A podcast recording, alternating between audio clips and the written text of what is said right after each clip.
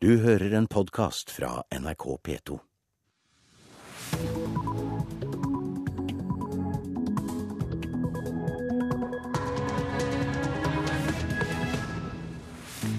God fredagsmorgen. Klokka er 6.30. Du lytter til Nyhetsmorgen med Anne Jetlund Hansen i studio. Dette er hovedsakene våre.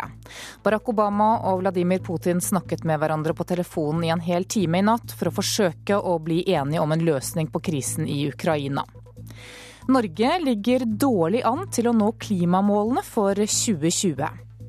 Jeg vil si at de har eh, kjempehastverk. Det sier direktør i Miljødirektoratet Ellen Hambro. Og enden er nær for den skandinaviske krimbølgen, tror britisk forlegger. Nei da, interessen er større enn aldri før, svarer norsk bokbransje.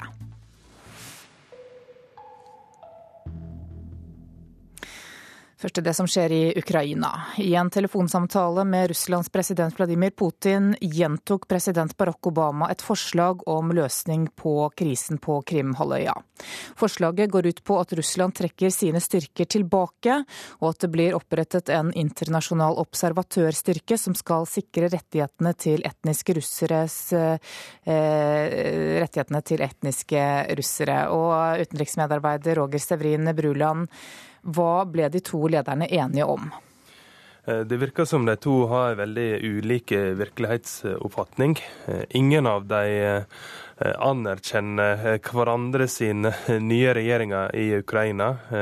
Putin anerkjenner ikke de nye makthaverne i Kiev, og Obama anerkjenner ikke de nye makthaverne på Krim, og har til og med beordra sanksjoner mot dem og de støttespillerne deres for å straffe dem for denne folkeavstemninga som nå vil komme om, om ti dager.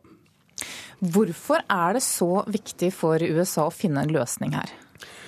Eh, det blir sagt at eh, USA er redde for en dominoeffekt eh, dersom makthaverne på Krim skulle ønske eller be om å bli en del av Russland, og, Russland godtar det. At noe lignende ting vil skje med omstridte landområder i Georgia og Moldova. Det er vel den store frykta, også i tillegg til at det vil være et, et brudd på folkeretten å ta en del av, av Ukraina. Så blir det også spekulert i helsen til den avsatte presidenten Janukovitsj. Hva vet vi om den i øyeblikket? Ja, Det er veldig ubekrefta og løse rykter, men eh, som blir spredd nå på internett. Eh, opphavet skal være en radiostasjon i Moskva som hevder at de har observert, eller en doktorer har sagt at de har behandla Janukovitsj for hjerteproblem. Eh, det, vi har ikke lyktes med å få bekrefta disse her opplysningene. Eh, og akkurat nå så foregår det jo for så vidt en slags informasjons krig eller eh, rundt omkring, så en, en veit aldri helt hva som er sant uten at en har fått det bekrefta. Men eh, det er jo noe vi prøver å følge med på nå, og se eh, om vi vil se Janukovitsj igjen eh, eh, på TV eh, snakke skal videre til Filippinene, der store områder ble rammet av en tyfon for fire måneder siden. Arbeidet med å bygge opp igjen samfunnet etter ødeleggelsene er godt i gang, men det er fortsatt mange som har store behov. Det viser en rapport fra FNs barnefond UNICEF. Og kommunikasjonssjef Merete Agerbakk Jensen i UNICEF, velkommen til Nyhetsmorgen. Takk for det. Du, hvordan går det med folk i de områdene som ble hardest rammet? Det har gått veldig bra, og jeg syns først og fremst at det er grunn til å takke alle som har bidratt. Eh, nordmenn har åpnet både hjerter og lommebøker og vært veldig rause. Eh, så i denne akutte fasen som vi nå er på en måte igjennom, så har det skjedd veldig mye positivt. Eh, vi har fått fire av fem barn tilbake på skolen. Eh, de fleste har fått den akutte hjelpen de har behov for, men det er jo nå den virkelig tunge jobben begynner med gjenoppbygging, og det kommer til å vare i flere år. Ja, Hva blir det tyngste der?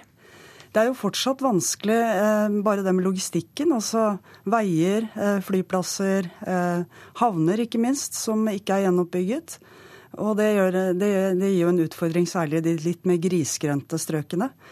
Men det vi prøver å gjøre og legge til grunn nå som vi bygger opp, er jo å gjøre Eh, dette sterkere, sånn at det kan stå imot en tilsvarende situasjon, eller i hvert fall en annen tyfon senere. Det er jo dessverre ikke noe uvanlig fenomen med tyfoner på Filippinene. Eh, sånn at eh, når vi bygger nye skoler, nye vannledninger, så må de tåle mer motstand enn det de gjorde fra før av. Hvorfor er ikke det gjort tidligere? Det er jo det er jo mye som er gammelt, og så må man bare prøve eh, når man bygger nytt, og hele tiden forsterke og bygge stein på stein, sånn at eh, det kan stå imot i hvert fall ganske mye vær. Dere er jo spesielt opptatt av barna. Du sier nå at eh, fire av fem barn er sikret skolegang videre. Hva med helsetilbudet til barna og til de andre som bor i disse områdene som er rammet? Helsetilbudet er jo noe av det som rammes sterkest når slike katastrofer inntreffer. Institusjonene faller sammen. Eh, personellet blir også litt spredd for alle vinder. Så det har vært veldig viktig for oss å prøve å bidra eh, til det. Vi har eh, hatt veldig fokus også på vaksinasjon av barn. fordi i sånne situasjoner så blir det, oppstår lett smittsomme sykdommer. sånn at vi har vaksinert over 80 000 barn mot polio og meslinger bl.a. Vi er veldig opptatt av mor-barn-helse. Det er ca. 100 000 gravide kvinner på Filippinene. Og vi må passe på at både de og barna eh, får i seg riktig og nok ernæring. Og det har vært et problem. Vi regner med at ca. 12 000 barn eh, er akutt alvorlig underernært. Og de prøver å hjelpe med eh, terapeutisk ernæring. Hva gjør dere for å sikre de som er gravide nå, som bærer frem barn i månedene fremover? da? Vi bidrar jo til å bygge opp både midlertidige og få tilbakeført disse helsesentrene som har vært fra før av. Og så prøver vi også å hjelpe familiene eh, ganske direkte. Vi har 10 000 familier som nå får rett og slett kontantstøtte i seks måneder, 100 dollar i måneden. Og så vil vi evaluere sammen med myndighetene etter de seks månedene om det fortsatt er behov. Men det sikrer at de har, eh, de har mulighet til grunnleggende helsetilbud, til å sende barna på skole i stedet for at de må jobbe osv. Så, videre. så det tror jeg er veldig eh, viktig. Det ble jo gitt eh, store pengesummer fra mange land til bl.a. Unicef i forbindelse med hjelpearbeid, altså det akutte hjelpearbeidet. Er det fortsatt penger igjen nå til å drive oppbygging fremover? Det er fortsatt penger eh, igjen eh, til en viss grad ut, utover i året. Men dette er jo faktisk et, en situasjon som kommer til å vare i veldig mange år. Vi ser på Haiti, det samme er tilfellet der. Det er ikke noe quick fix. Veldig viktig den akutte fasen, men det er jo nå samfunnet skal bygges opp igjen og kunne motstå som sagt, senere, eh, senere naturkatastrofer eller tilsvarende. Så eh, en eh, veldig bønn til folk om å ikke glemme Filippinene og fortsette å ha de tankene, og veldig gjerne gi mer. Lykke til og takk for at du kom til Nyhetsmorgen, kommunikasjonssjef Merete Agerbakk Jensen i FNs barnefond UNICEF. Norge ligger dårlig an til å nå klimamålene for 2020. De neste seks årene så må vi gjennomføre alle tiltakene på Miljødirektoratets liste dersom CO2-utslippene skal komme ned mot 47 millioner tonn. Regjeringen føler presset, det sier miljøvernminister Tine Sundtoft. Det viser seg at den nye rapporten vi nå har fått, at gapet har økt pga. skrinlegging av Mongstad. Vi har åtte millioner å ta igjen, så det betyr at vi må forsterke klimaforliket, som regjeringen har sagt vi skal gjøre. Vi bruker jo nå 2014 på å jobbe fram et offensivt statsbudsjett for 2015. I så måte er denne rapporten nyttig å få med seg inn i budsjettkonferansen til uka. I morgen så går Arbeiderpartileder Jens Stoltenberg i 8. mars-tog i hovedstaden for første gang siden han var aktiv i AUF på 80-tallet. Lederen for Høyres kvinneforum synes det er påfallende at Stoltenberg går i tog på kvinnedagen først når han er i opposisjon. Men selv så sier Stoltenberg at familiepolitikken til den nye regjeringen er grunnen til at han stiller i toget i morgen. Det handler om å forsvare retten til selvbestemt abort, men det handler også om at vi ønsker flere og billigere barnehager, og ikke dyrere og færre barnehager, slik vi eh, ser at vi nå får med den nye politikken som den nye regjeringen fører. Men du kunne jo ha gått i 8. mars-tog i mange år, også mens du var statsminister? Det kunne jeg helt klart ha gjort, men eh, jeg har eh, ikke gått i 8. mars-tog verken som statsminister eller som opposisjonsleder egentlig i løpet av nå er det vel kanskje nesten 30 år, i hvert fall siden 80-tallet. Eh, så når jeg gjør det i år, eh, så er det jo fordi det er viktige saker som nå er mye høyere på dagsordenen. Forsvar abortloven, nei til reservasjonsrett. Det er hovedparolen i årets 8. mars-tog i Oslo. Arrangementet venter å samle flere deltakere enn på mange år. Og blant dem er Julie Bråttkorp, leder av Høyres kvinneforum. Hun syns det er bra at Jens Stoltenberg deltar. Jeg syns det er positivt med alle som ønsker å markere kvinnedagen. Eh, så registrerer jeg at Stoltenberg måtte komme i opposisjon før han eh, gikk i tog, men det er bedre sent enn aldri. Det kan være fristende å tenke at du gjør det like mye for å plage den nye regjeringa som eh, for kvinnesaken? Jeg gjør det fordi jeg mener at familie- og likestillingspolitikk er eh, viktig. Eh, og fordi vi nå har fått eh, nye og klare skillelinjer i den politikken. Det handler både om barnehagepolitikken, der vi for første gang på mange år opplever at det blir færre barn i barnehage og dyre barnehager, kutt i pappaperm. Men også den diskusjonen som nå kommer om leger skal ha mulighet til å reservere seg mot å henvise til abort. Det er viktige spørsmål som gjør at det er viktigere enn på lenge å gå i 8. mars-tog. og Derfor er jeg med i år. Jeg syns det har vært viktige saker alle år. Ja. Noe som har gått igjen er jo, er jo bl.a. vold mot eh, kvinner. Noe som undersøkelser eh, sist uke har vist at absolutt er høyaktuelt også i år. Reporter var Kjartan Røslett. Bare én av fire professorer på høyskolene og Universitetet i Bergen er kvinner. 35 år etter at Norge fikk en egen lov som skal sikre likestilling mellom kjønnene, så skal det nå forskes på hvorfor det er så få kvinner i toppen i akademia. Annelise Fimreite jeg er en avtale med. Hei, Annelise. Tone Berg. Hyggelig. Annelise Fimreite er ei av de som har klart det. Hun er professor, og når hun nå tar imot på kontoret sitt i den staselige villaen i Allégaten, er det som prorektor, altså er hun i toppledelsen for hele universitetet.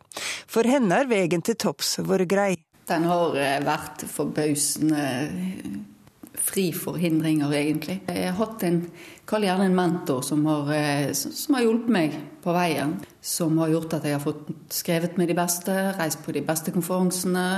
Eh, kort sagt eh, kommet inn i et akademisk miljø som har gjort meg god. Fimreite er ei av få, for ved universitetet her i landet er færre enn én av fire professorer kvinner trass i at likestillingsarbeidet ved universitetet har pågått i mer enn 40 år. 60% av de som studerer er kvinner, og blant de som tar doktorgrad er halvparten, men få er altså med til toppen. Norsk forskningsråd har satt i gang et program for å endre på dette. I Bergen samarbeider Høgskolen, Havforskningsinstituttet og universitetet om et forsknings- og organisasjonsutviklingsprogram. Anne Marit Skarsbø er likestillingsrådgiver ved universitetet og er prosjektleder. Det er viktig at alle er med og preger kunnskapsutviklingen og forskningen i samfunnet. Og så er det også ut ifra et rettferdighetsperspektiv at alle skal ha like muligheter til å kunne gjøre en akademisk karriere, hvis de har lyst til det. Lunsjtid på studentsenteret, og mange kvinnelige studenter reagerer på at så få kvinner blir professorer. Jeg syns det er uheldig. Jeg syns det godt kunne vært flere kvinnelige professorer ser ingen grunn til at det ikke skulle vært det. Kan du sjøl tenke deg å ta en slik karrierevei? Nei, ikke helt til professor, tror jeg. Det er nok litt, eh, litt andre baner, jeg tenker.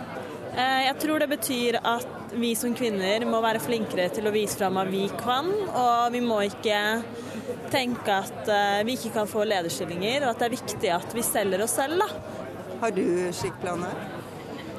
Jeg burde jo det ut ifra det jeg akkurat svarte på spørsmålet ditt. Så ja, kanskje det er en mulighet i fremtiden. Prorektor Annelise Fimreit er optimist og mener det går rette veien. Ja, altså Det går sakte fremover, men det går eh, fremover. Og det er, det er, viktig å finne tiltak som er, som er, målrettet, som gjør at vi kan, kan få flere kvinner i topposisjoner i akademia. For det er viktig. Reporter her, det var eh, Tone Berge. Skal vi ta en kikk på dagens aviser og se hva de har på forsidene sine i dag. Statoil har tapt 60 milliarder kroner på dårlig drift etter fusjonen med Hydro. Det skriver Finansavisen i dag. Statoil-sjefen innførte en ny kontroversiell driftsmodell i forbindelse med sammenslåingen. Men en interne rapport viser at den såkalte nedetiden etter det har økt med 50 Klassekampen skriver at Fremskrittspartiets Christian Tybring-Gjedde går mot strømmen. Han tar nemlig Russlands president Vladimir Putin i forsvar. Tybring-Gjedde anklager USA for å piske opp stemningen i Ukraina, og ber den norske regjeringen være forsiktig med å kritisere russiske myndigheter. Protesterer mot kristen rusomsorg er overskriften i Vårt Land i dag. I Kristiansand kan kristne organisasjoner få oppdrag når kommunen setter rusomsorg ut på anbud. Men SV mener at kommunen lar hensynet til tilbyderne gå foran hensynet til brukerne. Føljetongen om den korrupsjonssiktede politimannen fortsetter på forsiden av Dagbladet i dag. Derfor ble Jensen lurt i fella, er overskriften. Flere kilder i det kriminelle miljøet mener at Jensen kan ha vært utsatt for et komplott. Dagens Næringsliv skriver at to av sjefene i oppdrettsselskapet Marine Harvest ber myndighetene slutte å dele ut det de karakteriserer som lottogevinster til aktører i laksebransjen. Årsaken er at flere småoppdrettere som fikk laksekonsesjoner i 2009, tjente 300 millioner kroner da de solgte dem videre. Norske kvinner har mest fritid, det skriver Dagsavisen i dag. Vi bruker mindre tid på husarbeid og mer tid på fritidsaktiviteter enn kvinner i de andre OECD-landene. Nasjonen skriver at Høyre mener at boplikt og priskontroll har gjort skogbruket til en taper. Regjeringen mener at småskalabruk står i veien for å tjene penger på skogbruket. Aftenposten forteller historien om et ektepar der kona drepte den lille datteren deres for 30 år siden. Paret er fortsatt sammen, og nå har ektemannen laget en film om det som skjedde. Mens VG forteller deg hvor mye mobiltelefonen din tåler av varme, vann og fall.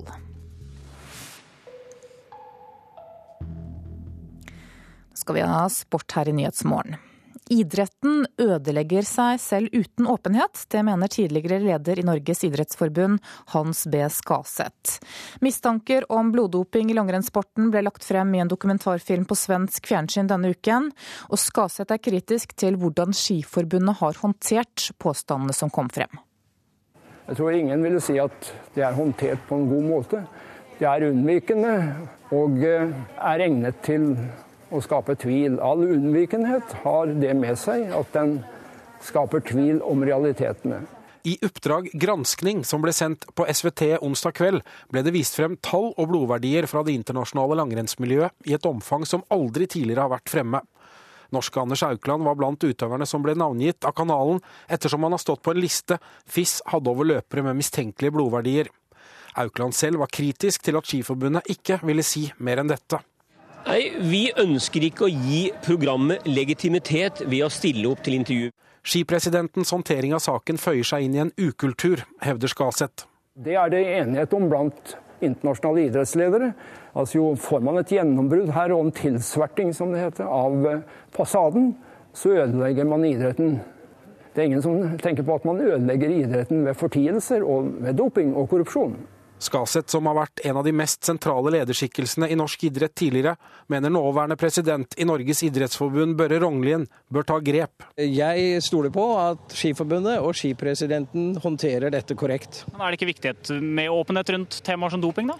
Selvfølgelig er det det, men det er jo spørsmål om hva du spør om. Jeg håper inderlig kan si, at, at Skiforbundet er i stand til å stå frem si, og gi, gi forklaringer som det er mer troverdighet i enn det som blir igjen når man nekter å uttale seg eller glir unna med motbeskyldninger. Reporter her var Andreas Toft. Du hører på Nyhetsmorgen i NRK P2 og Alltid nyheter. Klokka er 6.49, og dette er hovedsaker i nyhetene i dag. Barack Obama gjentok at Russland må trekke styrkene sine tilbake fra Krim, da han snakket med Vladimir Putin på telefonen i en hel time i natt. Norge ligger særdeles dårlig an til å nå klimamålene for 2020.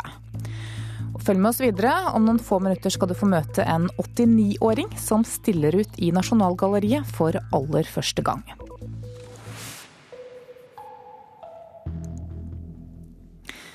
Før det skal vi høre at regjeringen ber alle domstolene her i landet si hvem de kan tenke seg å slå seg sammen med. Leder Eivind Helleland ved Nordfjord jordskifterett er redd for fremtiden til de lokale domstolene rundt om i landet. Vi må være i nærheten det vi skal arbeide med. Å sentralisere jordskifterettene inn til bysentra vil jo være egentlig grunnleggende feil grep. Jordskifterettslederne på Nordfjordeid må sammen med dommere over hele landet svare domstoladministrasjonene på om de er positive til å slå seg sammen med andre domstoler. Justisdepartementet har bedt om svar på hvordan lokale rettsledere stiller seg til strukturendringer. Bakgrunnen er planer om store omlegginger i justissektoren. Men Helleland mener det er merkelig at lokale dommere skal vurdere et politisk spørsmål. Vi etterlyser jo en samla plan som faktisk har en tilslutning på høyeste politiske nivå for at vi skal kunne legge det til grunn for slike store endringer. Her får vi et brev der vi blir spurt om vi er positive til det eller ikke. Vi kan ikke svare på det spørsmålet, det, for det er meningsløst, rett og slett. Han er ikke alene om å være uroa for framtida. Sorenskriver ved Sogne tingrett, Harald Gjermann, ser at domstolene han er leder for, kan være i fare. Min vurdering så langt har vært at eh, det er flere argument for å opprettholde den strukturen vi har. Statssekretær i Justisdepartementet Vidar Brein Karlsen sier det er aktuelt å sentralisere. Vi ønsker å modernisere hele domstolstrukturen. og I den forbindelse så vil vi sjekke ut med de ulike domstolsledere eh, hvilken oppfatning de har av mulige sammenslåinger, og se om de ser noen potensielle gevinster av eh, den typen sammenslåinger.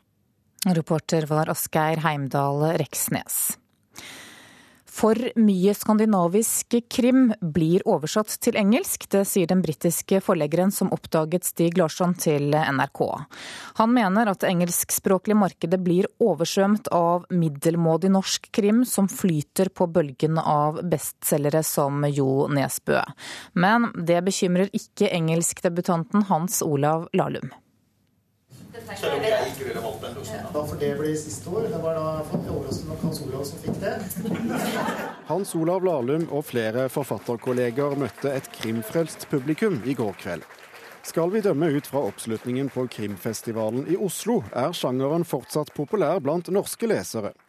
Til sommeren lanseres tre av Lahlums krimbøker i Storbritannia.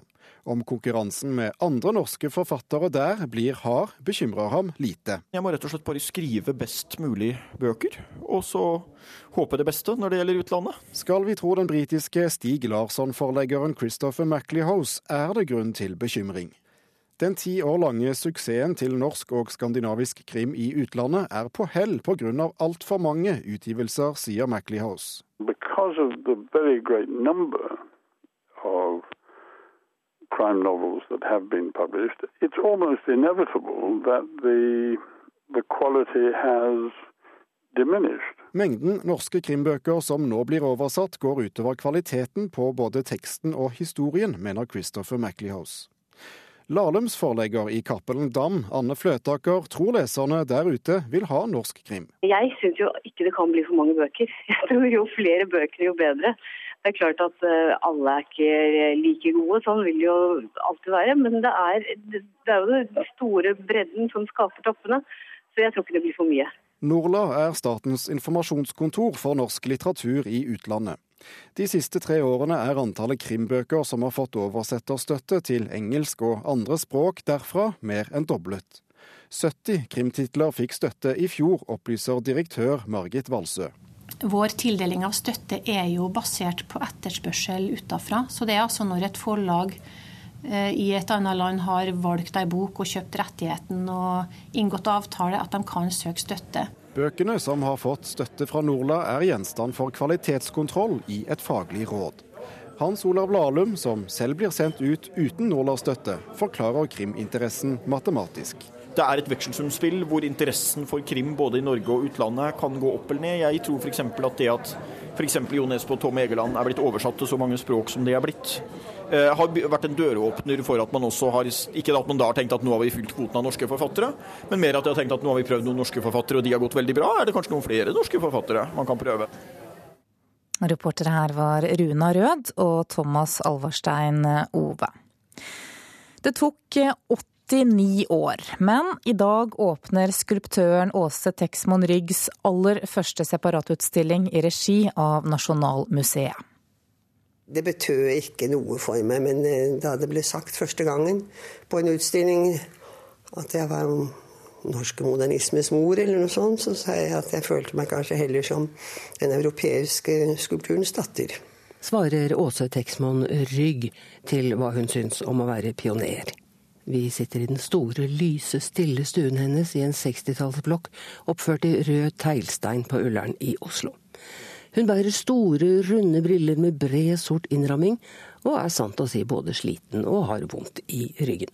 Men du, du, du arbeider fremdeles med skulptur? Jeg gjør så vidt det. Nå har det jo blitt utstilling eh, det meste av dette året. Mm. Og det er kolossalt når et museum setter i gang. Så er det ikke grenser for hva de kan finne på av papir og greier. altså. Åse Texman Rygg ble oversett og holdt utenfor det gode selskapet av sitt eget miljø. Hun fikk ikke medlemskap i Bildhuggerforeningen før i 1963.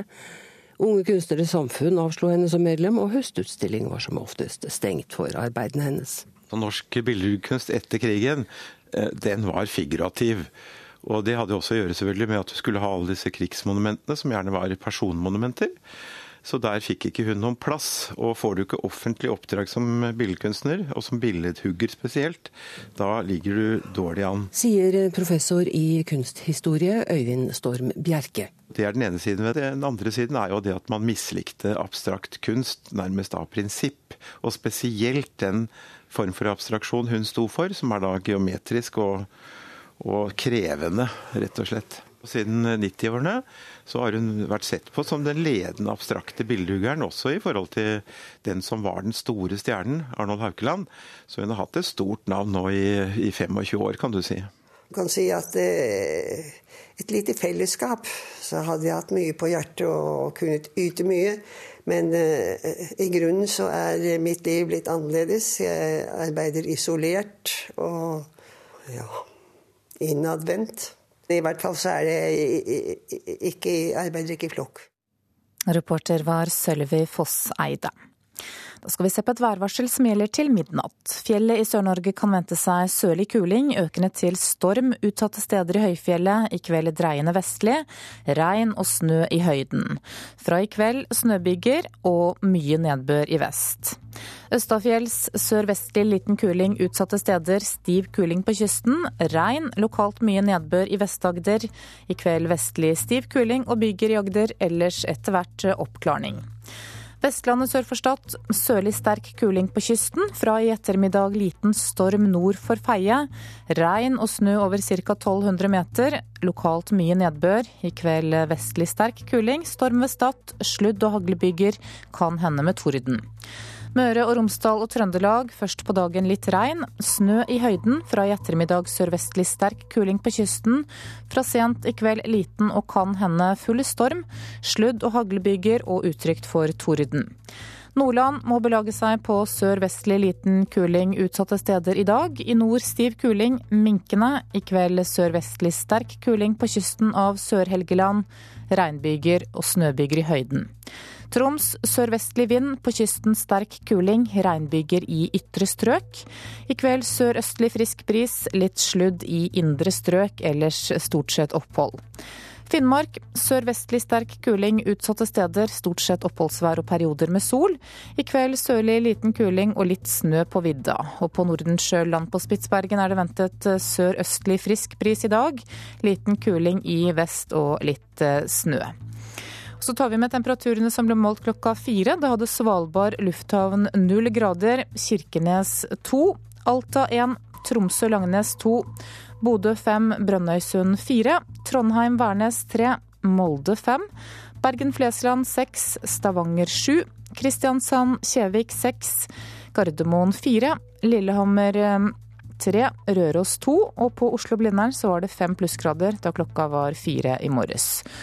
Og det er ventet omtrent uendrede temperaturer utover dagen i dag. I kveld litt kaldere på Vestlandet, i Trøndelag og i fjellet i Sør-Norge.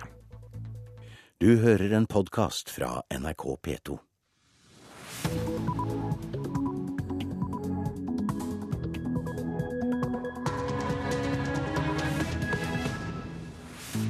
Klokka er 7.03 og Nyhetsmorgen fortsetter med Anne Jetlund Hansen. Dette er hovedsakene våre den neste halvtimen. Lokale medier på Krimhalvøya blir utsatt for sensur. Vi skal straks til vår reporter der for å få siste nytt om situasjonen. Fremskrittspartiets Christian Tybring-Gjedde blir også med oss den neste halvtimen. Han går mot strømmen og tar Russlands president Vladimir Putin i forsvar. Så skal vi høre at yrkeskvinner med barn nå tjener like mye som de uten barn, men hvorfor tar de ikke igjen fedrene, spør vi.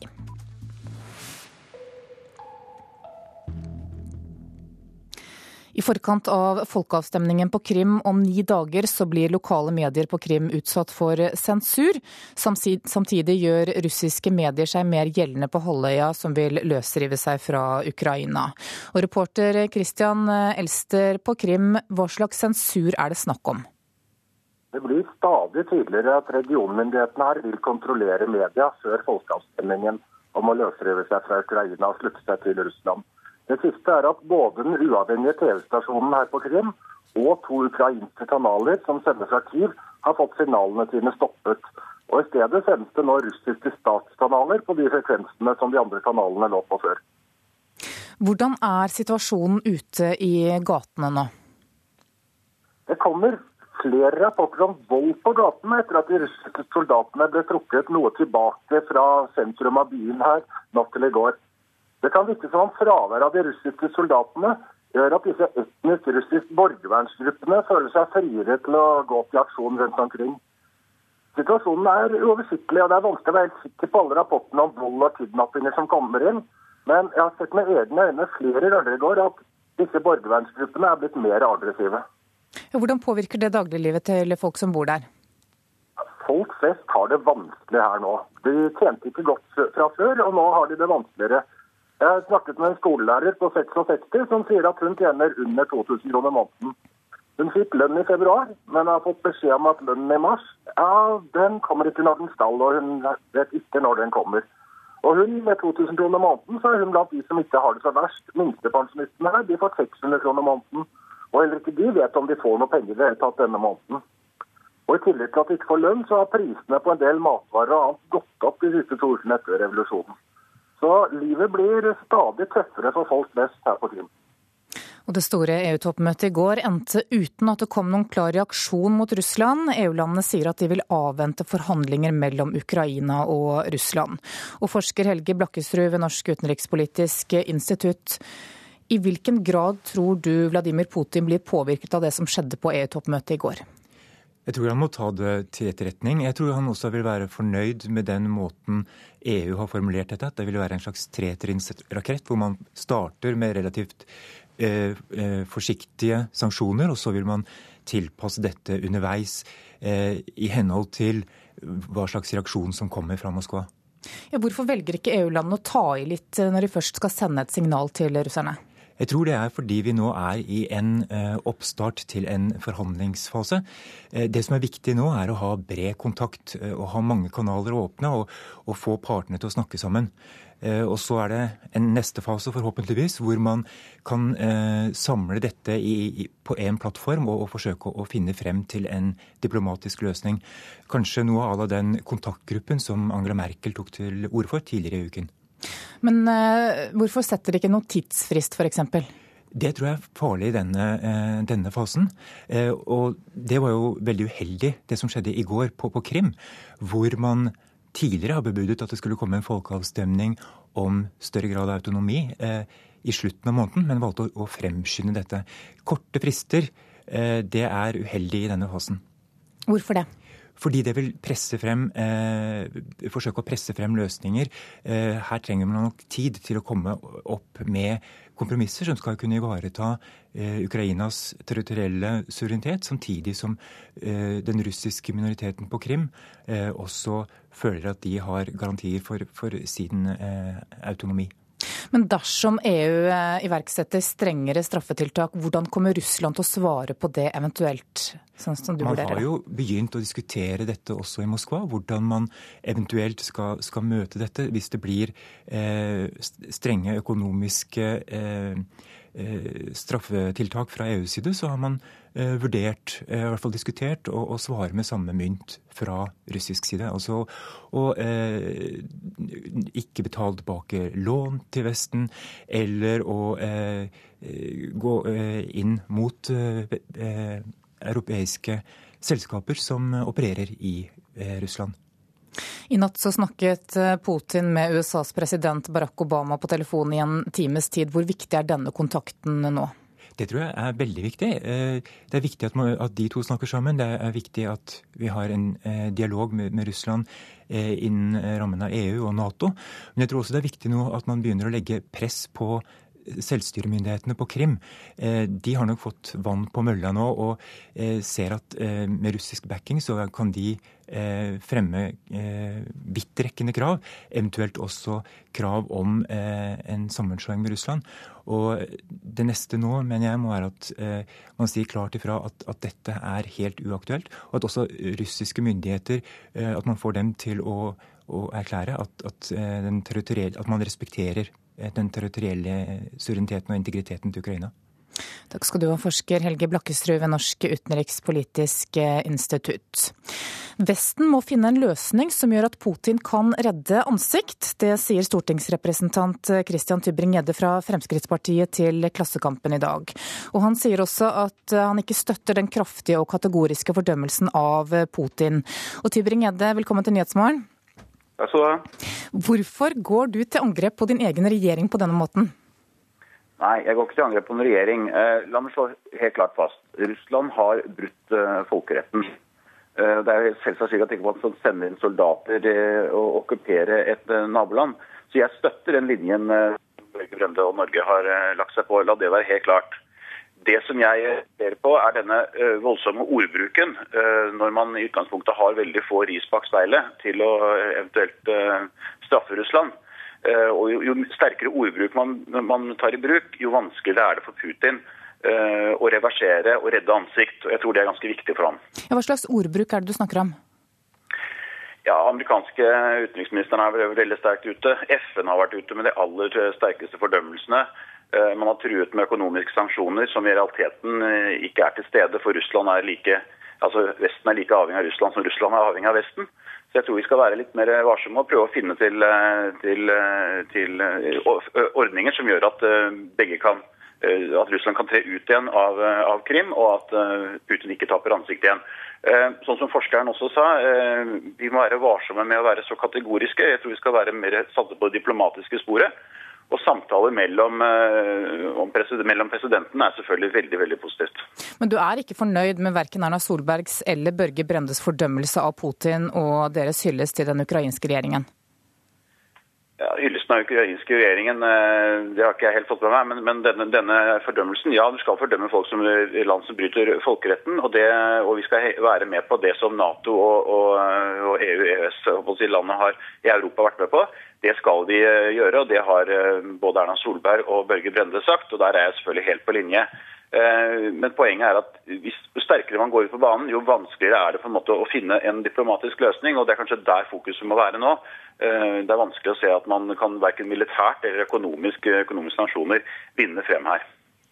Takk for at du var med Nyhetsmorgen, stortingsrepresentant Christian Tybring-Gjedde fra Fremskrittspartiet. Yrkeskvinner med barn tjener nå like mye som de uten barn. Det viser en ny rapport som ser på timelønn blant heltidsarbeidende. Før lå de barnløse høyere i lønn, men det har endret seg, sier forsker Kjersti Misje Østbakken ved Institutt for samfunnsforskning. Når vi sammenligner forholdsvis like kvinner med og uten barn, så ser vi at kvinner med to eller flere barn har tatt igjen de barnløse. Dette gjelder uavhengig av alder, utdanning og hvilken bransje kvinnene jobber i. Forskerne trekker bl.a. fram de siste åras store satsing på barnehager som forklaring. Utbygging av barnehager, maksprisreform og også utvidelsen av foreldrepermisjonen gjennom økte fedrekvoter kan nok ha gjort at fraværet fra arbeidsmarkedet for kvinner med barn har blitt noe kortere enn det var eh, tidligere.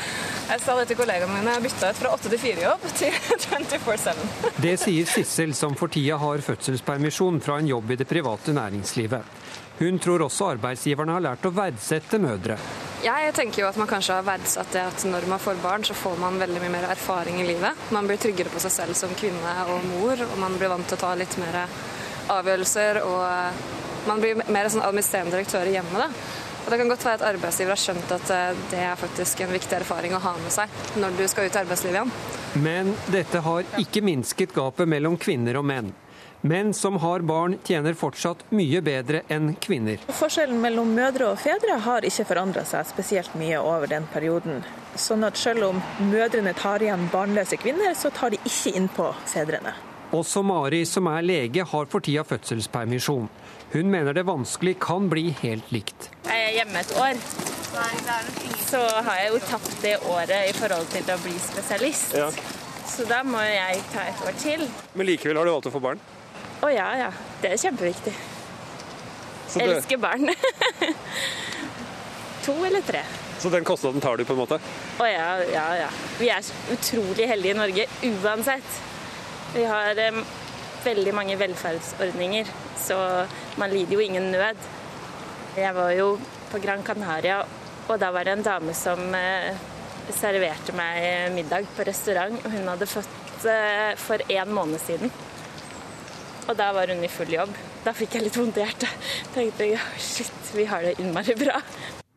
Reporter var Tom Ingebrigtsen. Professor i samfunnsøkonomi Kjell Gunnar Salvanes, velkommen. Takk skal du ha. Aller først, er du overrasket over at kvinner med barn nå tjener like mye som barnløse? Ja, litt. Altså, vi vet jo at det har vært en forskjell, men vi vet jo òg at ting blir eh, likere. Så kanskje ikke veldig overraskende, men litt overraskende, vil jeg si. Hvilke konsekvenser får det? Ja, det er veldig interessant. På grunn av, eh, det viser jo på en måte at det har vært en utvikling der eh, gifte kvinner òg kan på en måte ta helt vanlige jobber og slippe å være vekke fra, fra, jobben i større perioder, og dermed på en måte kan gå helt normalt inn i det vanlige arbeidslivet. Ja, er det barnehagene som er årsaken? Jeg tror det er barnehagene. Det kan være flere ting. Det kan være to-tre ting som har skjedd. Det kan være utvidelse av fedrekvote og mødrepermisjon, som har vært stor utvidelse de siste årene. Det kan være òg ganske alminnelig økonomisk endring. Altså Andre typer jobber er viktigere nå enn før. F.eks. på en måte som er industrien sin, eh, sitt tyngdepunkt, og det, det er tjenesteytende eh, sektorer som eh, vokser fram. Og du kan tenke deg at i en del av de jobbene der, så er det litt større fleksibilitet, som gir muligheter òg om du er gift. Og det tredje er, er, barnehage, som jeg virkelig tror er den viktige effekten her. For De som har sett på eh, mødrepermisjon, f.eks. meg, jeg har sett på et arbeid av det, er at den tidlige mødrepermisjonen i 2070 den hadde effekt.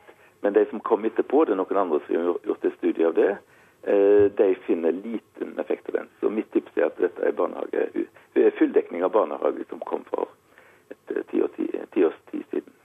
Samtidig så er jo ikke gapet mellom kvinner og menn blitt mindre. Hvorfor er det sånn at mødrene tar igjen barnløse kvinner, men at de ikke tar igjen fedrene? Nei, Dette er et veldig interessant ting, og dette er et paradoksalt ting i Norge. At Norge det landet, er, det landet i OECD som har det mest kjønnsdifferensierte arbeidsmarkedet, eller kjønnsdelte arbeidsmarkedet. Altså, Kvinner har andre jobber enn menn, og de i mindre grad ledere enn menn. Altså, menn blir eh, ingeniører, og kvinner blir sykepleiere, for å si det veldig enkelt. Det er et interessant paradoks. I et land som er det mest likestilte når det gjelder deltakelse i politikk, altså på storting og i regjeringer, helse, eh, eh helse mellom menn og kvinner er, er mye likere, eller kvinner har bedre helse enn eh, en menn, og på alle andre områder, men ikke i arbeidslivet. Og det ser ikke ut til å endre seg heller. Det er et interessant paradoks. Tror du det at eh, mødre tjener bedre er at arbeidsgiver også verdsetter mødre, slik en kvinne i reportasjen her sier? Ja, jeg, jeg tror i grunnen ikke det. For eh, norske kvinner har vært, og gifte kvinner har vært tungt inn i arbeidslivet 70-80 siden midten av 70-tallet. Og den, på en måte, den tilpasningen ville kommet før. Dette er de ganske vant med. Så jeg tror ikke det er det. Jeg tror bare det er at de rett og slett er mindre vekke på jobb, og dermed kan ta alle typer jobber. Professor Kjell Gunnar Salvanes, takk for at du var med i Nyhetsmorgen.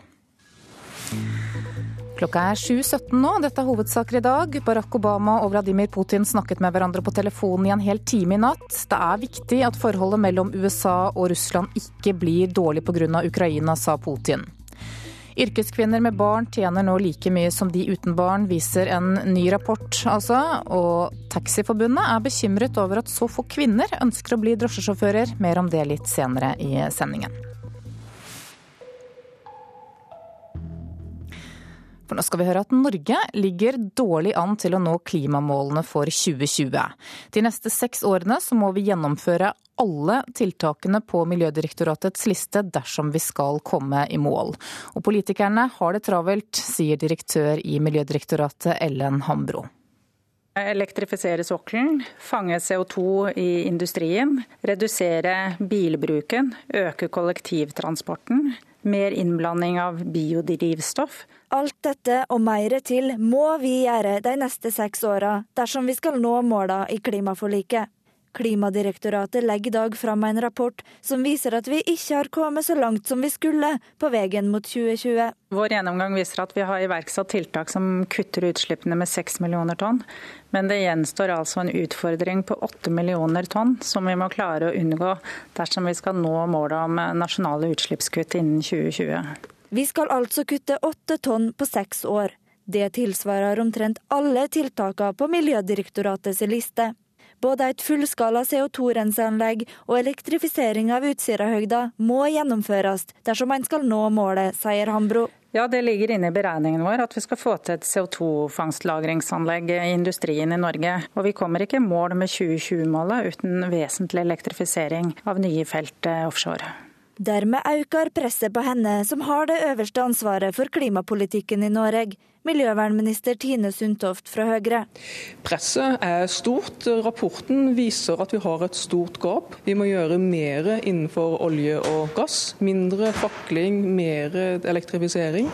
Vi må gjøre mer innenfor eh, veitransporten. Vi må gjøre mer for å redusere utslippene for biler. Men både olje og samferdsel ligger under departement styrte av Frp og på mandag starter den interne dragkampen under regjeringa sin budsjettkonferanse. Vi må bruke nå 2014 på å jobbe dette her ut i forhold til statsbudsjettet for 2015 for å nå dette målet. Regjeringen har sagt at vi skal forsterke klimaforliket. Og Miljødirektørens melding til regjeringa er klar. Jeg vil si at de har eh, kjempehastverk. Reporter var Ellen eh, Wiseth. Over til deg, stortingsrepresentant Rasmus Hansson fra Miljøpartiet De Grønne. Vi har kjempehastverk, sier Hambro her. Hva skal til for å greie dette her innen denne fristen? Det er jo å omsider ta inn over seg eh, realiteten, eh, som er at eh, norske stortingsflertallet har lovet å forplikte seg til disse utslippskuttene, som for øvrig ikke er særlig ambisiøse. Og så har man altså lagt seg til en politisk tradisjon hvor det ene tiltaket etter det andre ikke blir gjennomført fordi det er for dyrt eller er ubehagelig eller noe sånt. Nå trenger man en konkret forpliktelse i Stortinget på sektor etter sektor. Så mye skal vi kutte i oljesektoren, så mye skal vi kutte i, i, i, i eh, transportsektoren osv. Og, så og det må skje fort. Altså Hvis man oversetter dette tallet 8 millioner tonn fram til 2020, eh, som altså er oppsamlet sommel fra uh, forskjellige slags partier, så betyr det at Tine Sundtopp skal kutte 1,2 millioner tonn nå i år. Kom igjen, Tine. Og så skal du kutte 1,2 millioner tonn til neste år.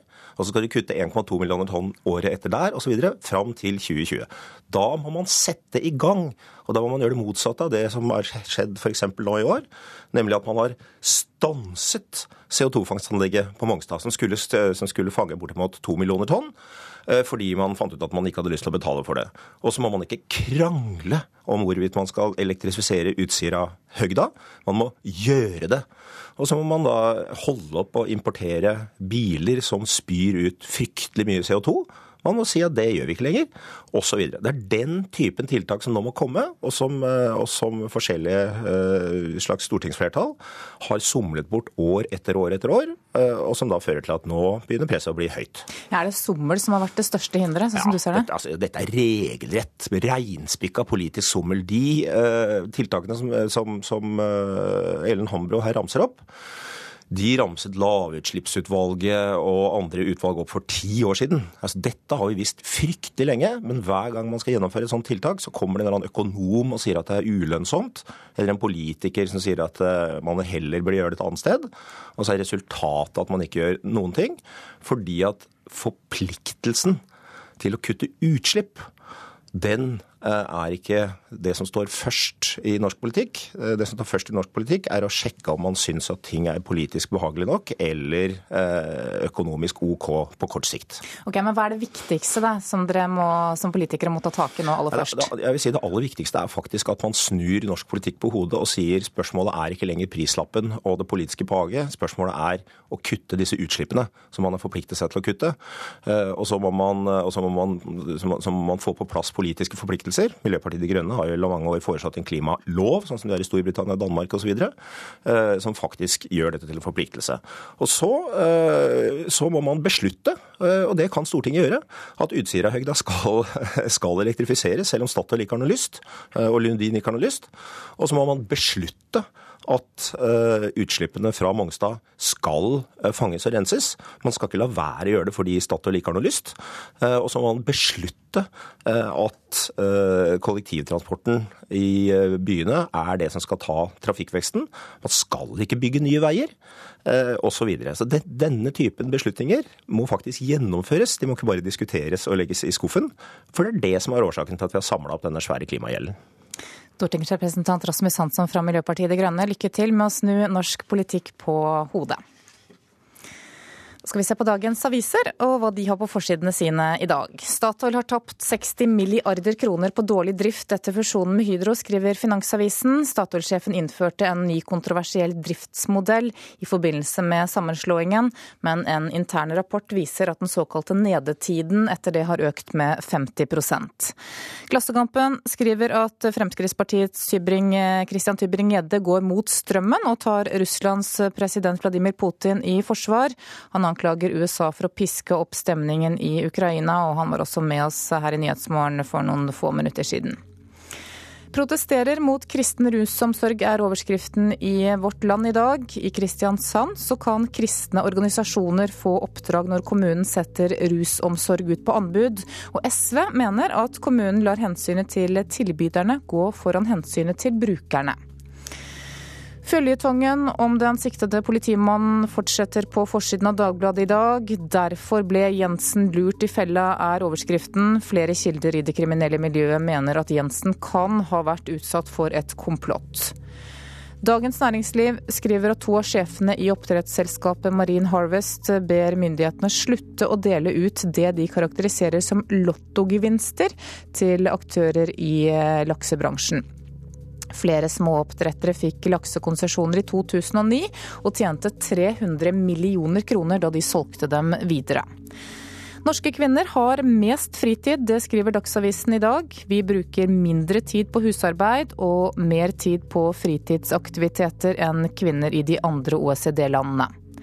Nasjonen forteller at Høyre mener at boplikt og priskontroll har gjort skogbruket til en taper. Regjeringen mener at småskalabruk står i veien for å tjene penger på skogbruk. Aftenposten forteller historien om et ektepar der kona drepte den lille datteren deres for 30 år siden.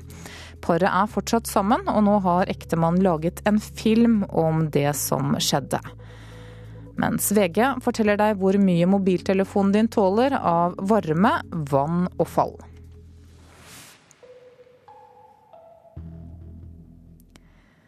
Stadig færre kvinner ønsker å bli drosjesjåfør. Ved taxiskolen i Oslo så er det i dag nesten ingen kvinnelige elever. Folk blir jo veldig overrasket når de setter seg inn og bare 'Å, du er kvinne!' Ja, det var det sist jeg var på toalettet. Ja. Cecilie Holsæter har kjørt drosje i 28 år, og hun merker godt forandringen som har skjedd siden hun startet på 80-tallet. Det var mange venninner som kjørte, litt sånn ekstra og fast. Og ja. Men det er jo da forsvunnet for lenge siden. Hva syns du om det? Det er jo litt trist. Jeg tror det er flere årsaker her, kanskje. En at taxiyrket kanskje i seg selv har et ufortjent dårlig rykte.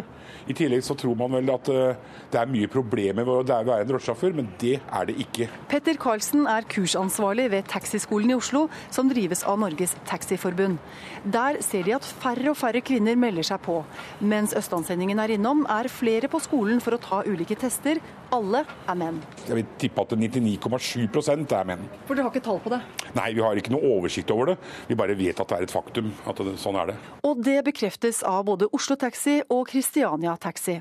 Sistnevnte lokket i desember kvinner med at de skulle få gratis kjøreseddel, taksameterkurs og uniform dersom de ville prøve seg som sjåfører. Nå er to av de som lot seg friste ute i trafikk, og flere er underveis, ifølge Christiania Taxi. I Oslo Taxi er det mellom 30 til 40 sjåfører som er kvinner, av til sammen 2300. Ja, jeg elsker å kjøre bil. Jeg elsker å være ute i trafikken og være en av gutta. Trude Jasmin Kirkeby har vært både bussjåfør og truckfører. Snart setter hun seg bak rattet på en taxi. Jeg bare gleder meg. Jeg ser fram til å starte. Det er noe jeg har gått og drømt om lenge nå. Hvorfor er det så få jenter som deg? Det er vel fordi at det er et mannsdominert yrke. At det er ganske tøft å jobbe med, egentlig. Fordi de har en annen måte å prate på, en annen måte å være på. Så hvis du ikke er beinhard og litt, har litt bein i nesa, så, så kan du ryke på det. Petter Karlsen er glad for at det fortsatt finnes kvinner som Kirkeby. For en taxinæring uten kvinnelige sjåfører er et problem. Ja, det er et problem. For eh, et, et så mannsdominerende yrke trenger kvinner, for å få en mer balanse i, i måte å være på, for å si det sånn. Cecilie Holsæter mener også at det kan være en fordel å være kvinne i mange situasjoner. Mange som kan være aggressive, du merker at de er litt aggressive, og så ser du at de er en kvinne. Altså, er, du er kanskje lettere for å avvæpne dem. At du, du, er ikke en trussel mot, uh, mot dem. Men én ting bør man være forberedt på i dette yrket. Du må i hvert fall være villig til å jobbe mange timer. Det må man være. Reporter her, det var Else Karine Archer. Klokka nærmer seg 7.30 og Dagsnytt. I Politisk kvarter klokka 7.45 så får du møte likestillingsministeren til debatt med Arbeiderpartiet dagen før 8. mars. Produsent for Nyhetsmorgen i dag er Thomas Theis Haugan, og her i studio Anne Jetlund Hansen.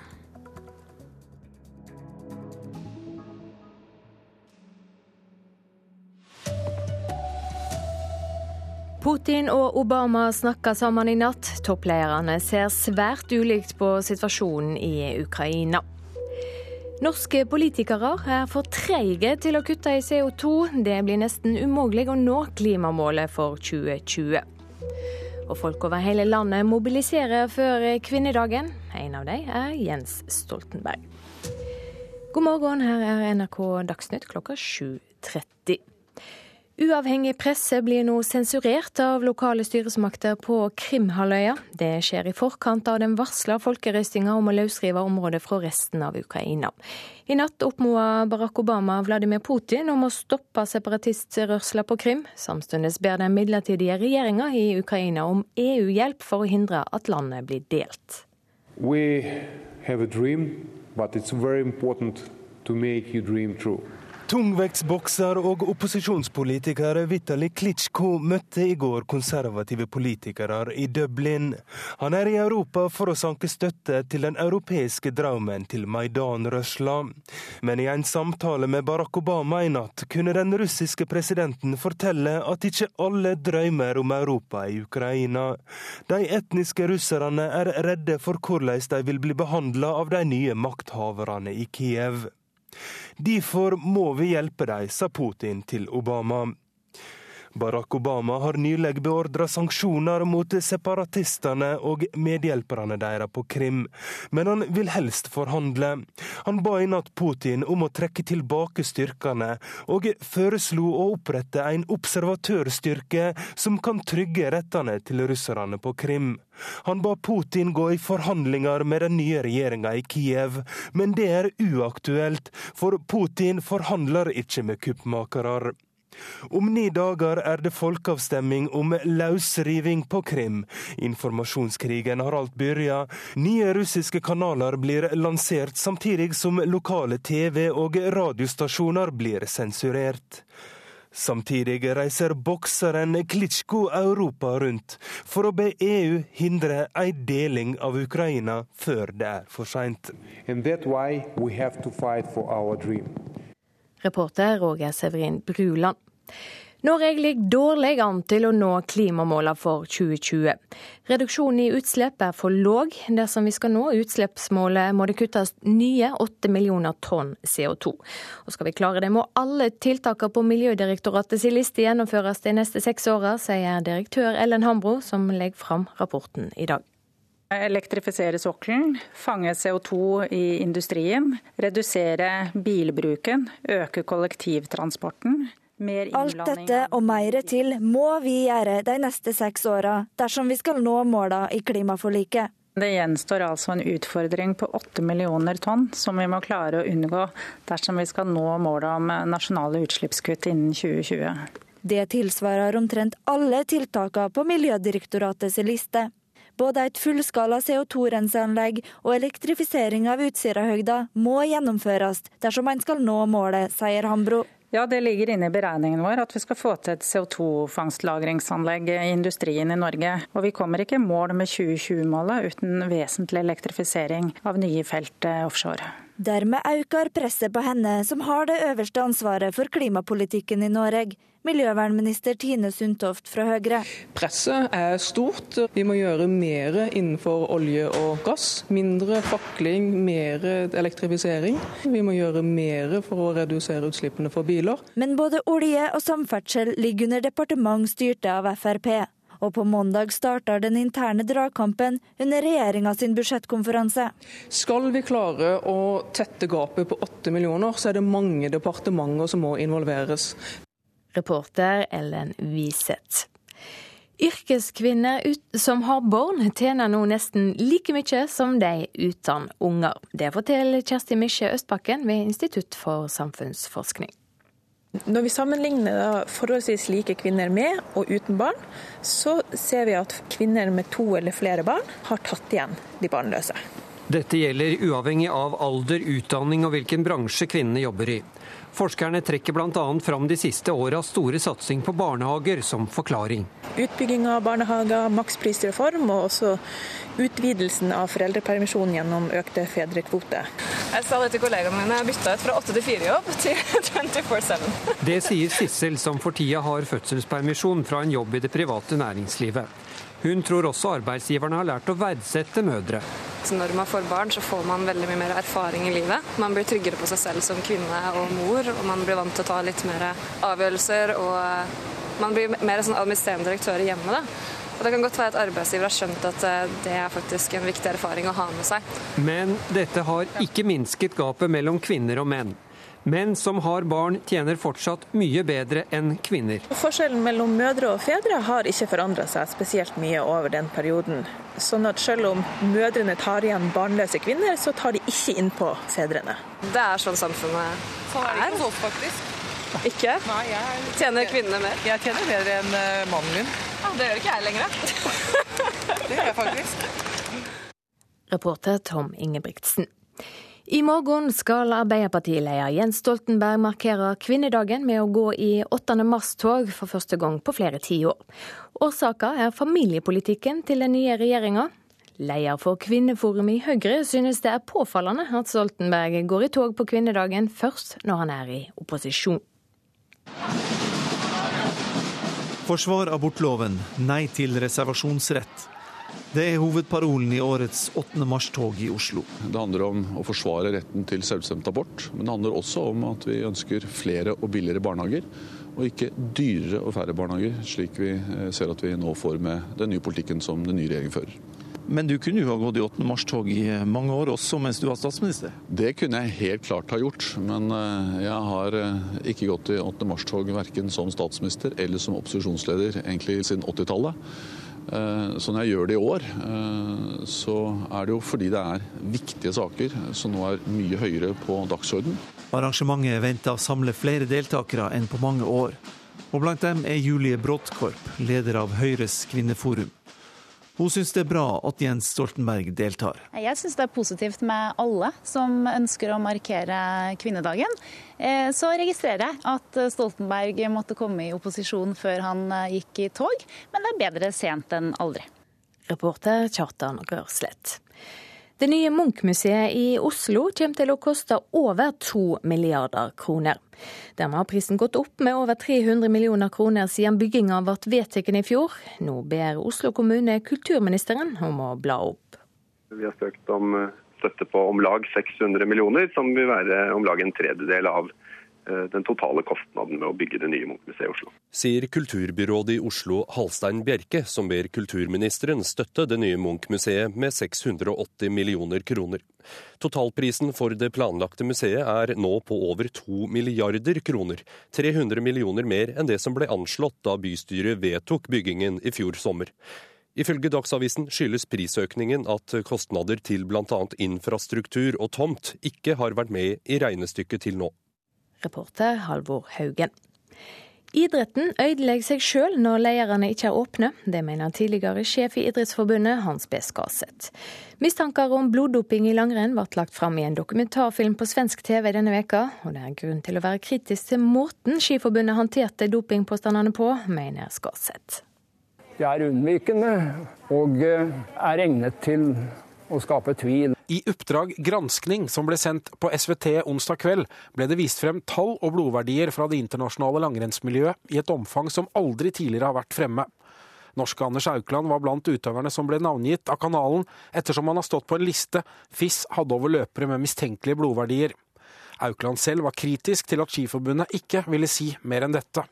Nei, Vi ønsker ikke å gi programmet legitimitet ved å stille opp til intervju. Skipresidentens håndtering av saken føyer seg inn i en ukultur, hevder Skaseth. Det er ingen som tenker på at man ødelegger idretten ved fortielser og ved doping og korrupsjon. Skaseth, som har vært en av de mest sentrale lederskikkelsene i norsk idrett tidligere, mener nåværende president i Norges idrettsforbund, Børre Rognlien, bør ta grep. Jeg stoler på at Skiforbundet og skipresidenten håndterer dette korrekt. Jeg håper inderlig si, at, at, Skiforbundet er i stand til å stå frem si, og gi gi forklaringer som det er eh, mer troverdighet i enn det som blir igjen når man nekter å uttale seg eller glir unna med motbeskyldninger. Reporter her, det var Andreas Toft. Ansvarlig for eh, Dagsnytt denne morgenen, Anne Skårseth. Teknisk ansvarlig, Beate Haugtrø. Her i studio, Silje Sande.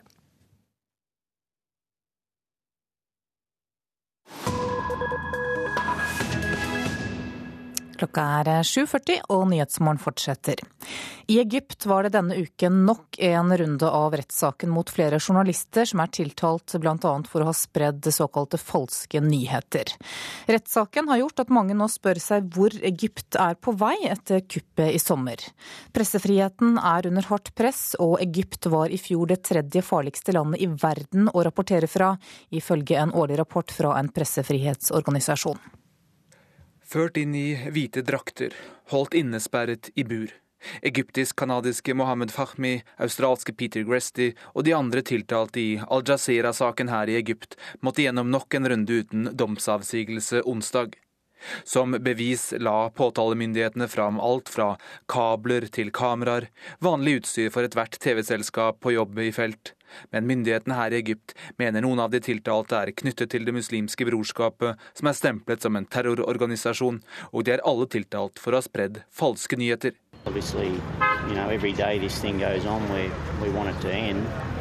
Um, Broren til Peter Gresty var utenfor rettslokalet og sa de bare håpet å få denne saken ut av verden, men at de ikke visste når det ville falle noen dom eller komme noen løsning. At Al Jazeera er kjent for å stå brorskapet nær, er én ting. Å kjøre en rettssak på denne måten har gjort at mange, både utenlandske og egyptiske journalister, frykter for framtiden. Because, uh, really hits, hits, hits home, Do you have uh, um, some kind of connection to the internet? Uh... Denne medievirkeligheten fikk generalsekretæren i Norsk redaktørforening, Arne Jensen, nærmere innblikk i denne uka. Han besøkte Kairo og flere medieorganisasjoner. Etter norsk standard så er det jo ikke noen reell pressefrihet eh, i Egypt per i dag. fordi eh, det militære eh, regimet har klare grenser for hva de i praksis tillater. Det, og det har jo vært en utvikling som har pågått siden de militære overtok i, i juni i fjor. Så er det jo noen aktører i Egypt, bl.a. noen av de jeg møter nå, som har et håp om å kunne snu den utviklingen, at ting vil roe seg og at det etter hvert vil bli bedre rom for kritiske stemmer og mer uavhengig journalistikk. Okay, so this is called uh, Montukti, or My Neighborhood, and it's a uh, newspaper that's covering downtown Cairo. Uh, it's a general interest, so it covers everything from society to culture to politics to economy. Um, en av dem er uh, Tarek Eita. Han driver en liten lokalavis her i Kairo sentrum som forsøker å ta opp lokale tema som parkeringsproblemer, søppel som hoper seg opp, og også seksuell trakassering, som er spesielt ille i sentrum av den egyptiske uh, hovedstaden.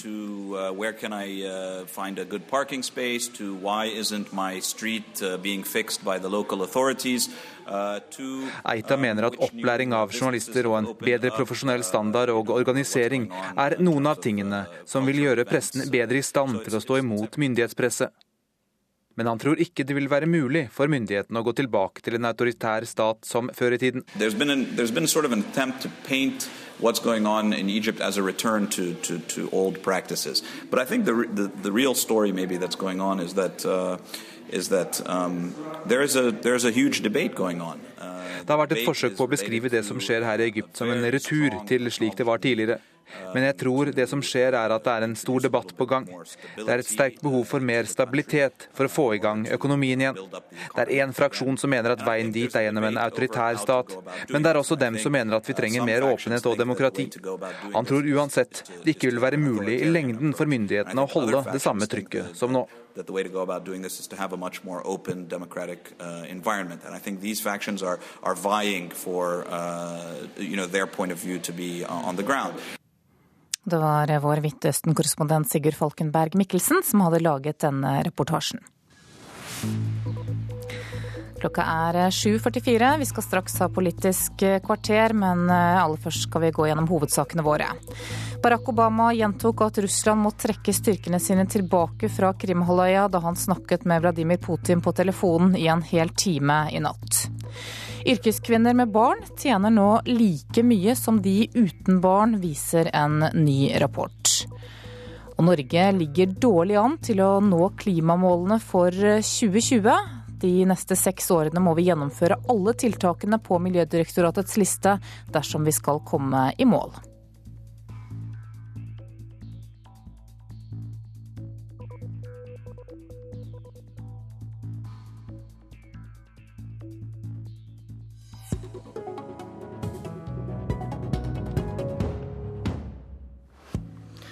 Dagens tall er åtte. Dagen før dagen stiller likestillingsministeren til debatt i Politisk kvarter. Med denne statsråden trenger vi 8. mars i lang tid framover, hevder hennes motpart. Og 8 millioner tonn. Det er så mye Norge mangler for å nå mål om kutt i klimagassutslippene. Og det toget går også om politikerne ikke starter i morgen. Felles for begge saker, det er ikke alle tog man er for. Det er lille 8. mars i dag. Rigmor Aasrud, nestleder i familie- og kulturkomiteen på Stortinget fra Arbeiderpartiet. Er Solveig Horne en feminist? Ja, Det må Solveig Horne svare på sjøl, om hun definerer seg som feminist. Eh, er det et vanskelig spørsmål? For Horne? For deg? Altså det, jeg, det er ikke noe entydig definisjon på å være feminist, men den politikken som Horne står for, den eh, går iallfall ikke i riktig retning. og Derfor så er det mm, ikke helt lett å se de feministiske trekka ved den politikken som eh, Horne fører. Likestillingsminister Solveig Horne fra Fremskrittspartiet, kaller du deg selv feminist? Jeg kaller meg for en hverdagsfeminist. Eh, en feminist som er opptatt av det som eh, angår både kvinner og menn i hverdagen. Eh, det gjelder å bekjempe vold i nære relasjoner, vold og overgrep. Det er med å ha i forhold til utdanning, i forhold til å ha en trygghet, god kvalitet i barnehager. Jeg tror det at i 2014 så er og kvinner og menn opptatt av hverdagslige ting som vi politikere er nødt til å ha fokus på når vi snakker om likestilling. Det meldes om lange tog i år.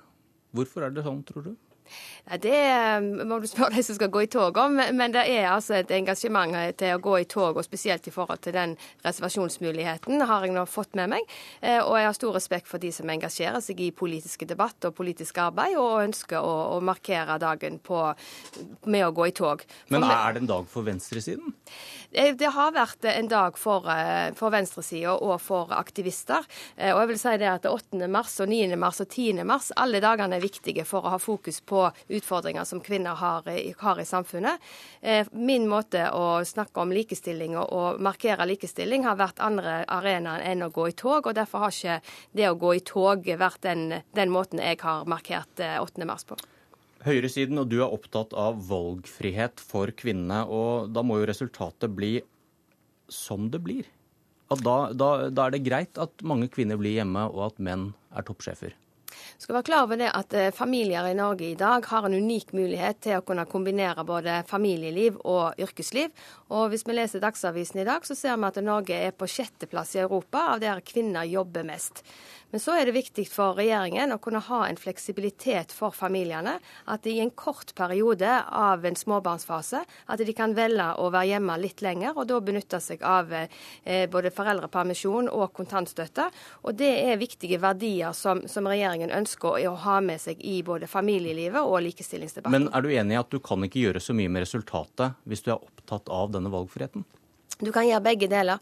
For det at eh, Likestillingen i Norge i dag den henger ikke på å utvide eller fedrekvoten, fire uker fedrekvote og en tusenlapp i kontantstøtte. Jeg tror vi skal ha fokus på de viktige utfordringene som vi har i forhold til tvangsekteskap, i forhold til vold og overgrep, i forhold til ufrivillig deltid, i forhold til utdanningsvalgene og kjønnsnøytrale utdanningsvalg. Og det er viktige eh, likestillingstema som jeg ønsker å løfte inn i denne debatten. Aasrud? Det er mange temaer som er viktig å diskutere på 8. mars, men det er ingen tvil om at eh, det den regjeringa som nå sitter, gjør, er å ta likestillingspolitikken tilbake i tid. Man innfører en reservasjonsrett, og det er jo et opprør blant kvinner og menn i Norge på det regjeringa gjør på det området. Så snakker man om valgfrihet, og så kutter man ut eh, 7000 barnehageplasser i forhold til det budsjettet vi la fram. Det gjør jo at mange kvinner ikke kommer til å få den valgmuligheten som Horne her prater om. for du har ikke noe valg, eh, og du har ikke en barnehageplass å velge.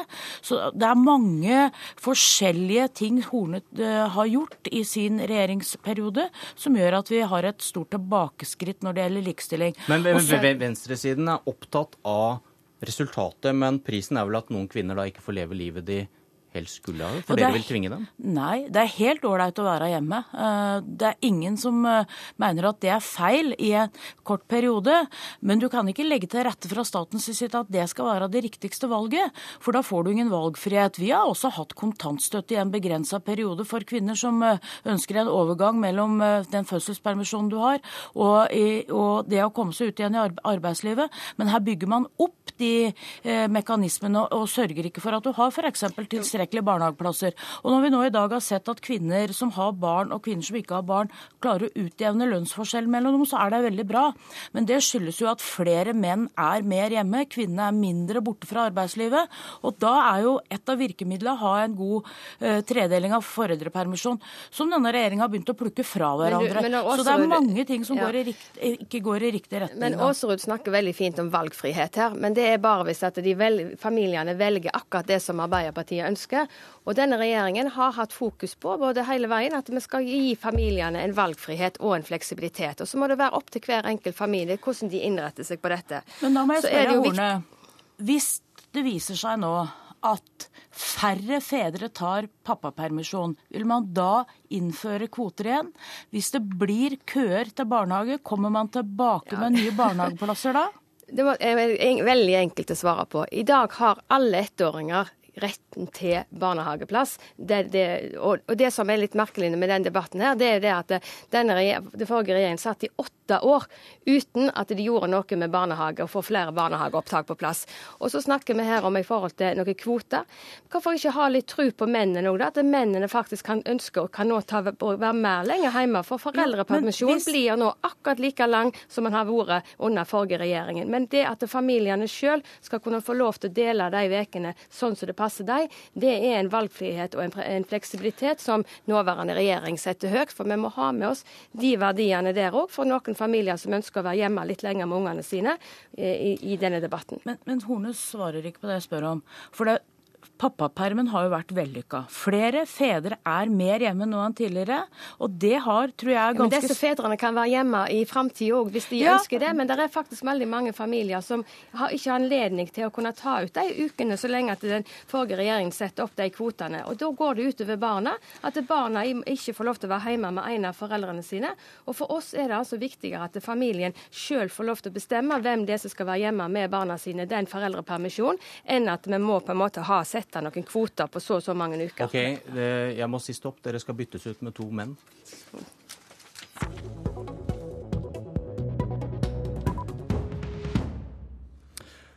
Åtte millioner tonn CO2, det er tallet som gjelder hvis Norge skal nå sitt klimamål om seks år i 2020. Miljødirektoratet legger i dag fram et regnestykke som viser at politikerne må finne på noe som kutter utslippene med ytterligere åtte millioner tonn i tillegg til kutt som allerede er på gang. Og leder av Stortingets energi- og miljøkomité, Ola Elvestuen fra Venstre. Hva betyr det som regjeringen får på bordet i dag? Nei, Det betyr jo at vi må gjøre mye mer enn det som ligger i klimaforliket fra, fra 2008 og utover. For det jo, Dette er jo mer alvorlig enn at det er et gap i forhold på 8 millioner tonn. For det er et gap ut fra en beregna utslipp.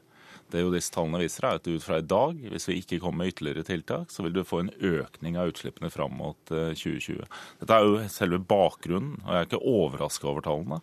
For det har ligget i kortene lenge.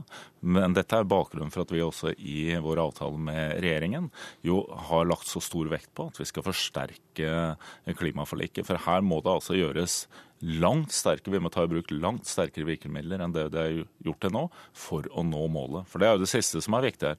Eh, fordi Miljødirektoratet de understreker at det er mulig, men, men det er veldig, veldig vanskelig. Men det er vanskelig å nå målet. Oskar Grimstad, medlem i energi- og miljøkomiteen fra Fremskrittspartiet. Betyr det noe for klima om Norge slipper ut to millioner mer, mindre eller akkurat det vi har vedtatt som mål? Ja, det, det, må han gjerne spørre seg. Det vi ser i dag, det er at det er arva etter de rød-grønne som var opptatt, opptatt av klima, snakka om klima på inn- og utpust, med SV i, i, front, nå faktisk leverer fra seg et klimaregnskap der utfordringa er blitt en halv million tonn eh, høyere eller det man, man forutsatte. 7,5 millioner tonn var det man eh, regna ut. og nå Når eh, denne regjeringa tar fatt i den utfordringa, ønsker å få tall på bordet og se hva er realitetene i dag, så viser det seg at eh, når, når den rød-grønne regjeringa leverer fra seg sitt, eh, sin arv, så har utfordringa faktisk eh, økt. Og ja, det, det, er viktig at vi får ned, og vi ser at utfordringa med å få ned utslippene, den den blir tøff. Men eh, jeg er overbevist om at målsettinga til, til Høyre-Frp-regjeringa om å forsterke klimaforliket, at den skal vi nå. Men nå får man en smørbrødliste fra direktoratet hvor bl.a. elektrifisering av Utsira må til for å nå dette målet. Hvis det er prisen, er du da villig til å senke miljøambisjonene til 2020? Det ligger inne mange... I, i norske kutt i, i Norge? Ja, Det ligger inne mange tiltak eh, som, som eh, er foreslått. og Blant annet så er jo det sagt av denne regjeringa at vi, vi, skal, vi, skal, elektrifisere Johan Sverdrup-feltet. Det diskusjonen går på, det er om vi skal elektrifisere resten av disse eh, funnene som er på, på Utsirahøgda. Og Det og sier der, jo direktoratet at det må man hvis man skal nå målet? Ja, Det, det marginale nyttene har etter min oppfatning, hvis, hvis, prisen blir så høy som man kan se, eh, kanskje 1500 kroner tonnet, kanskje helt opp i 2000 kroner tonnet. Da velger jeg faktisk å, å, å være obs på kost-nytte-effekter og ser på tiltak i utlandet. fordi at eh, Det som er vesentlig, det er jo at dette ikke er, norsk, det er ikke en norsk utfordring, klimaet. Det er faktisk en global utfordring. og Hvis du da får redusere utslippene med å sette i gang tiltak i Europa f.eks., så er jo dette, eh, må jo det være like legitimt å kunne redusere, og redusere mer med samme ressursbruk. Så å, å, å redusere marginalt i Norge til en voldsom kostnad. Vi er nødt til å se på kost-nytte-effekt. Ja, det som er viktig, er jo at vi må se på Norge i en internasjonal sammenheng. For nå, det, nå jobbes det opp mot en internasjonal klimaavtale i Paris i 2015. Alle land må gjennomføre og ta sitt ansvar for å redusere sine kutt. Og alle land vil stort sett kunne si at nei, våre kutt er for små i forhold til den store sammenhengen, sånn at det er ikke så viktig her. Det er helt klart at Norge må gjennomføre sine kutt som eh, vi har også har meldt inn til FN, for at vi skal også beholde den ledende posisjonen vi har internasjonalt, for å være en pådriver for å få en klimaavtale. Og det vi må gjøre er, som alle andre, vi må vise vilje eh, i hele spekteret av de som er av tiltakskjeden. Her så må det satses på kollektivtrafikk, her må det satses på renere biler, både biodrivstoff og enda flere el- og nullutslippskjøretøy. Og så må det gå løs på også de store utslippskildene. Det er ingen tvil om at elektrifisering av olje- og gassektoren er en nødvendighet. Og det innebærer områdeelektrifisering av Utsirahøyden som det første store testen på om vi har vilje til å gjennomføre dette. Og dette er helt klart at det må være en nødvendig gjennomføring for å nå målene. Men Grimstad, du mener at vi kan, hvis vi finner billigere og enklere kutt i utlandet, så kan vi skrote dette 2020-målet og ta, de, ta like store kutt et annet sted? Vi, vi, snakker her om, om, om marginalt volum, etter min oppfatning. fordi at Elektrifisering av Utsirahøgda den blir i hovedsak ja, det, det gjelder elektrifisering, og bilistene må kanskje tvinges av veien og over i, i, i, tog. Vi kan ikke bygge nye veier. Det er mye som skal til for å nå dette målet. Jo, men vi ser det, Ta eksempelvis bil. Vi ser det at, at teknologien han går videre. og, og Nylig så, så, så vi det at man har nådd et ytterligere mål på, på utslippet fra bil. og Målet er jo 85 85 gram og, når det gjelder bil. Og det vi ser er at Fram mot 2020 så er jeg overbevist om en ting. Teknologien vil gå videre, og vi vil nå målene gjennom forbedra teknologi. Men så må vi også satse, som, som Ola Elvestuen er inne på, innenlands. Det er klart at kollektivtrafikk blir viktig. Vi, vi ser at satsing på, på bio blir viktig, osv. Alle disse tiltakene som rapporten viser til, er, er, er viktige nok for at vi innenlands også skal Hører du en god samarbeidspartner i å få til dette med Fremskrittspartiet? Det som er viktig med dagens regjering, det er jo at de begynner å gjøre også det de sier. For det er klart at ja, det står at vi, skal, vi har en avtale vi skal forsterke, vi skal forsterke klimaforliket. Men det som kommer i forslag til budsjett for inneværende år, så var det jo ingen klimatiltak. De måtte vi få inn gjennom forhandlinger i budsjettforhandlingene. Og sånn Sånn må det være med regjeringa nå. De må, de må, også begynne å legge fram forslag som innebærer en forsterkning. Ellers så kommer Venstre til å sørge for at okay, dette må vi, vi gjøre. Takk for at dere kom. Politisk kvarter er slutt. Jeg heter Bjørn Myklebust. Du har hørt en podkast fra NRK P2.